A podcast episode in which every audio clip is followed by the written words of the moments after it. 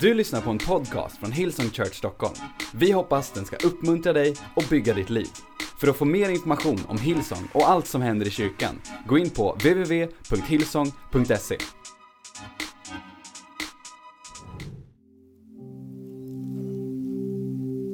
Jag ska tala till en liten stund om alla sorters dagar.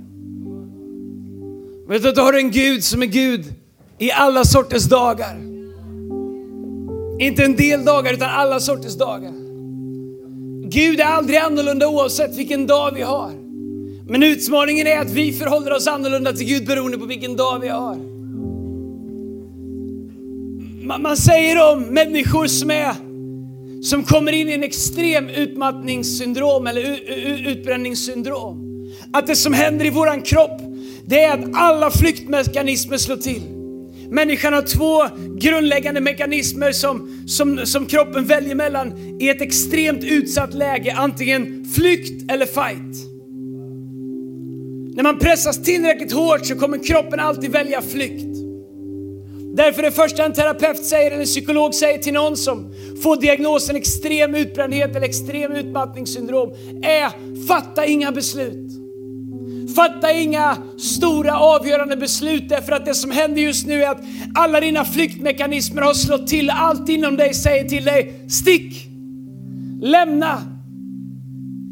Många äktenskap går sönder när, när en person hamnar i ett utmattningssyndrom på grund av att flyktmekanismer slår till. Det är egentligen inte fel på relationen, det är bara att dina flyktmekanismer har nu slått in fullt ut. Vilket gör att du tror att jag måste bort ifrån det här. Många människor har sålt sina boenden, förlorat jättemycket pengar. Det, det var egentligen inte fel på boendet, det är bara att i den här extrema situationen så säger alla flyktmekanismer, stick härifrån. Människor har satt upp sig, sagt upp sig från sina jobb. Inte för att det var fel på jobbet, men flyktmekanismerna säger, dra därifrån. Så de tre råden som man borde få av en bra psykolog eller läkare när man får diagnosen utmattning eller utbrändhet är fatta inte de här tre stora besluten kring ditt äktenskap, kring ditt boende, kring ditt jobb. Därför att du fattar inget sunt beslut för alla dina flyktmekanismer går nu på högtryck. Samma sak händer i våra liv när vi hamnar under pressure, andra sorters pressure. När du känner att Gud kanske inte är där han var tidigare, han svarar inte på samma sätt. Det är inte samma känsla i lovsången, det är inte samma feeling i connect-gruppen, det är inte samma feeling i teamet. Det bara känns annorlunda. Det som händer är att våra flyktmekanismer kopplar in och vi flyr bort ifrån det som egentligen är vår räddning. Faktum är att det bästa man kan göra när kroppen säger stick är att stanna kvar i det vad Gud har sagt. Så det pågår en kamp i våra liv mellan Guds löften där han säger, jag står alltid fast. Bibeln säger Gud är densamme går idag och i all evighet. Han är trofast, han är steadfast, han är densamma. Men allt inom oss säger, gå därifrån. Och sen så kliver vi av den fasta klippan som Jesus säger att han är. Och sen så börjar en värld som bara gungade på insidan, men som faktiskt var fast på, på, på, på i våran grund. När vi kliver bort ifrån den så gungar nu både insidan och allt annat runt omkring. Vi trodde att det skulle bli bättre när vi lämnade. Men allting blir bara sämre. Matteus 24, vers 35 så säger Jesus, himmel och jord ska förgå, men mina ord ska aldrig förgås. Vad är det han säger aldrig ska förgås? Vad är det för ord han säger? Han säger i Matteus 28 och 20, och se, jag är med er alla dagar in till tidens slut. Det står det i Matteus 28 och 20. Och se, jag är med er alla dagar in till tidens slut. Så han säger, himmel och jord kan gå under, men det jag har sagt kommer aldrig försvinna. Sen backar han upp det med att säga att jag är med er alla dagar tills tidens slut. Så han säger det finns inte en dag, det finns inte en timme, det finns inte en minut, det finns inte en sekund där hans ord inte gäller. Det finns inte en år, det finns inte en månad, det finns inte en vecka, det finns inte en dag, det finns inte en timme, det finns inte en sekund, inte en millisekund, inte en nanosekund. Där han inte är med dig. Du säger jag känner honom inte, men det har ingenting att göra med om han är med dig eller inte. Därför att vi tolkar Gud känslomässigt genom alla våra mekanismer. Det är därför som det är avgörande att vi vet vad Gud har sagt. Så att vi inte fattar permanenta beslut i tillfälliga situationer. Alla dagar. Jag är med er alla dagar. Det betyder att han är med oss alla sorters dagar. Vet vad det betyder? Det betyder att oavsett vad som händer mot mig, oavsett vad som händer i mig, om Jesus är med mig så kommer det bli okej. Okay. It's gonna be alright. Inte för att omständigheterna säger det, inte för att det var rättvist det som skedde, men för att han är med mig alla dagar in till tidens slut. Han är med dig idag. När vi sjunger You've been so so good to me och du säger, men det känns inte så. Han är med dig ändå. När du säger jag bad om det där jobbet, jag fick inte det jobbet. Jesus gör inga fel. Det finns ett annat jobb som väntar på dig. Det finns någonting bättre som väntar på dig. Det var bara det att Gud stängde den näst bästa dörren därför att du höll på att följa fel så att du kan gå in i den bästa dörren som han har för dig. När Gud stänger en dörr så är det för att han har en bättre dörr.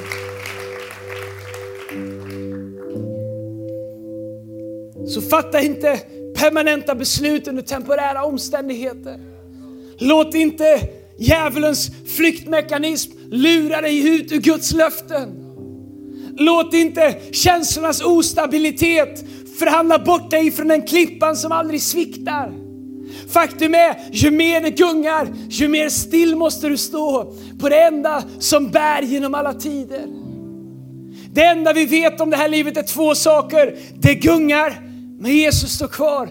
Det är det enda jag vet är säkert. Allt däremellan verkar utvecklas, verkar vi förstå bättre, verkar vi se. Det enda jag har upptäckt är definitivt med jämna mellanrum så gungar livet. Om du är idag och du har, blivit, och du har fått en relation med Gud för några månader sedan. Hej! Livet kommer fortsätta gunga med jämna mellanrum. Skillnaden är att den här gången står du på en klippa som står fast. Det enda jag vet är livet gungar, men Jesus, han står alltid fast. Omständigheter är temporära men Gud är permanent. Himmel och jord ska förgås men mina ord ska alltid bestå. Det är därför vi måste vara människor som lever i och lever av hans ord. Därför att det är det enda som kommer bestå. Råd kommer och går, omständigheter kommer och går, men hans ord är det enda som består. Temporärt versus permanent. Vad är temporärt? Prövning är temporärt. Det fanns en gammal sång som jag sjöng. Inte när jag turnerade med Medusa men med Molly Lindberg. Det var varannan helg. Right. Prövningar vi möter få som vi ofta är förstå. Prövningar vi möter få och vi ofta ej förstå Herrens vägar när han önskar att vi himlens skola nå. Det kommer prövningar som ibland är helt orättvisa. Som ibland är helt, men vet du vad jag har upptäckt? Ibland är prövningen ett beslut av mina dåliga beslut, äh, resultat av mina dåliga beslut. Ibland är det som att Gud tillåter prövningar att, att, att, att, att liksom komma in i våra liv. Inte att han inte har koll på vad som händer, men för att visa oss den styrka som finns i Kristus. Han säger i Malaki att han ska lutta, att han ska reda oss, att han ska visa oss kuldet som finns. Men prövningar är temporära. Men löftet om att Jesus aldrig sviker är permanent. Så fatta inte ett permanent beslut i en tillfällig prövning. Besvikelse, det är något vi alla upplever lite nu och då. Det är temporärt. Men hans trofasthet är permanent. Det enda du behöver göra för att bli besviken är att ha tillräckligt mycket med människor att göra. Vi gör varandra besvikna, vi räcker inte till. Vi håller inte måttet. Ingen av oss är perfekta. Vi kanske till och med siktar högt men träffar lågt. Vi är bristfälliga, vi är människor. Även i kyrkan, även i Guds hus. Men besvikelser, om vi bara håller fast i Kristus, de är bara temporära. Men hans trofasthet är permanent. Den kommer aldrig vika ifrån dig. Ever, ever, ever.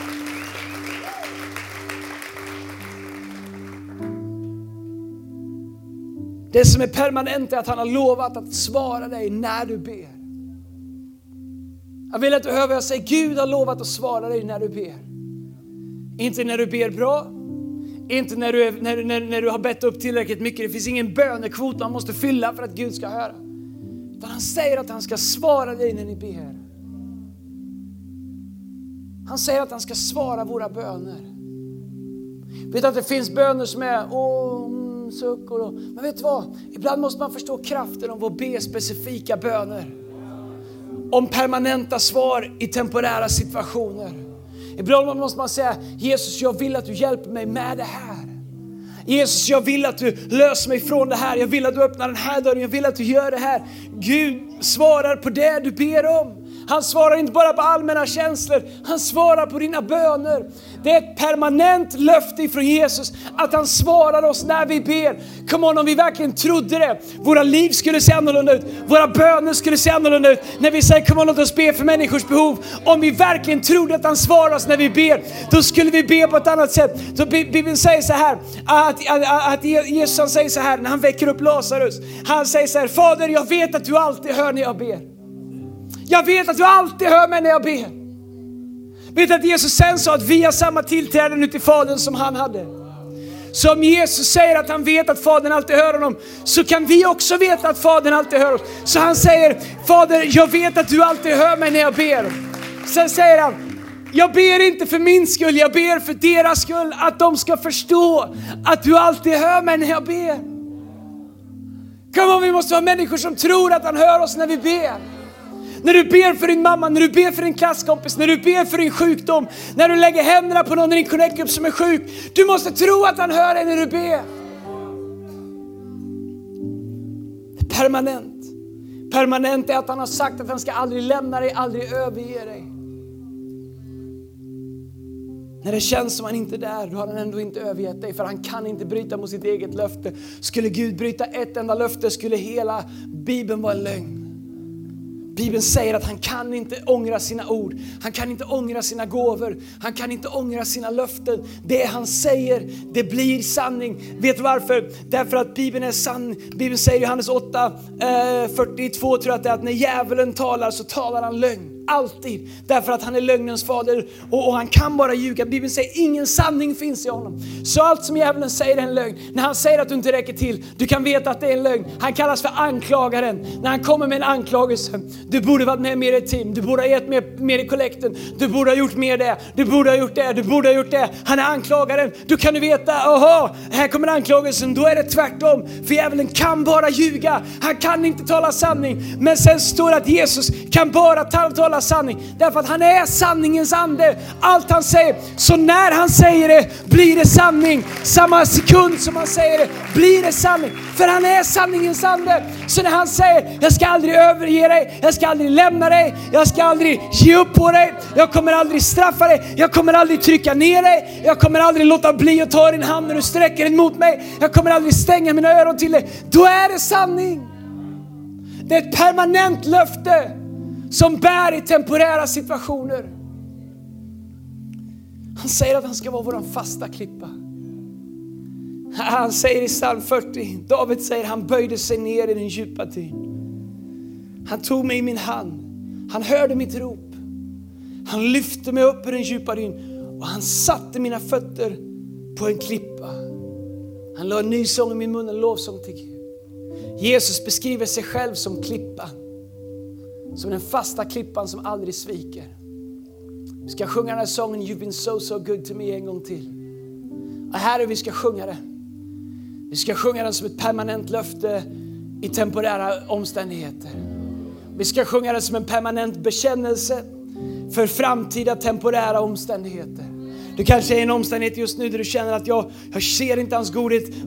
No problems. Sjung det som är sant. Sjung det som är permanent. Det kanske, du kanske är där nu, that's fine. Men sjung det som är permanent. Du kanske känner mig, jag är på en så bra plats i livet. Kalas, öva på sången nu för du kommer behöva kunna den. Därför att det enda jag vet, det är att livet är fullt av säsonger. Och det kanske kommer en dag när du är tacksam att du har övat på att sjunga You've been so so good to me. När du inte fick jobbet, när hon gjorde slut, när pengarna inte räckte, när sjukdomen inte blev helad, när den du bad för ändå dog. Då behöver du ha övat sången. Då behöver du ha sjungit You've been so so good to me. Du har lyssnat till en podcast från Hillsong Church Stockholm. Om du vill veta mer om vår kyrka eller om våra söndagsmöten, surfa in på www.hillsong.se.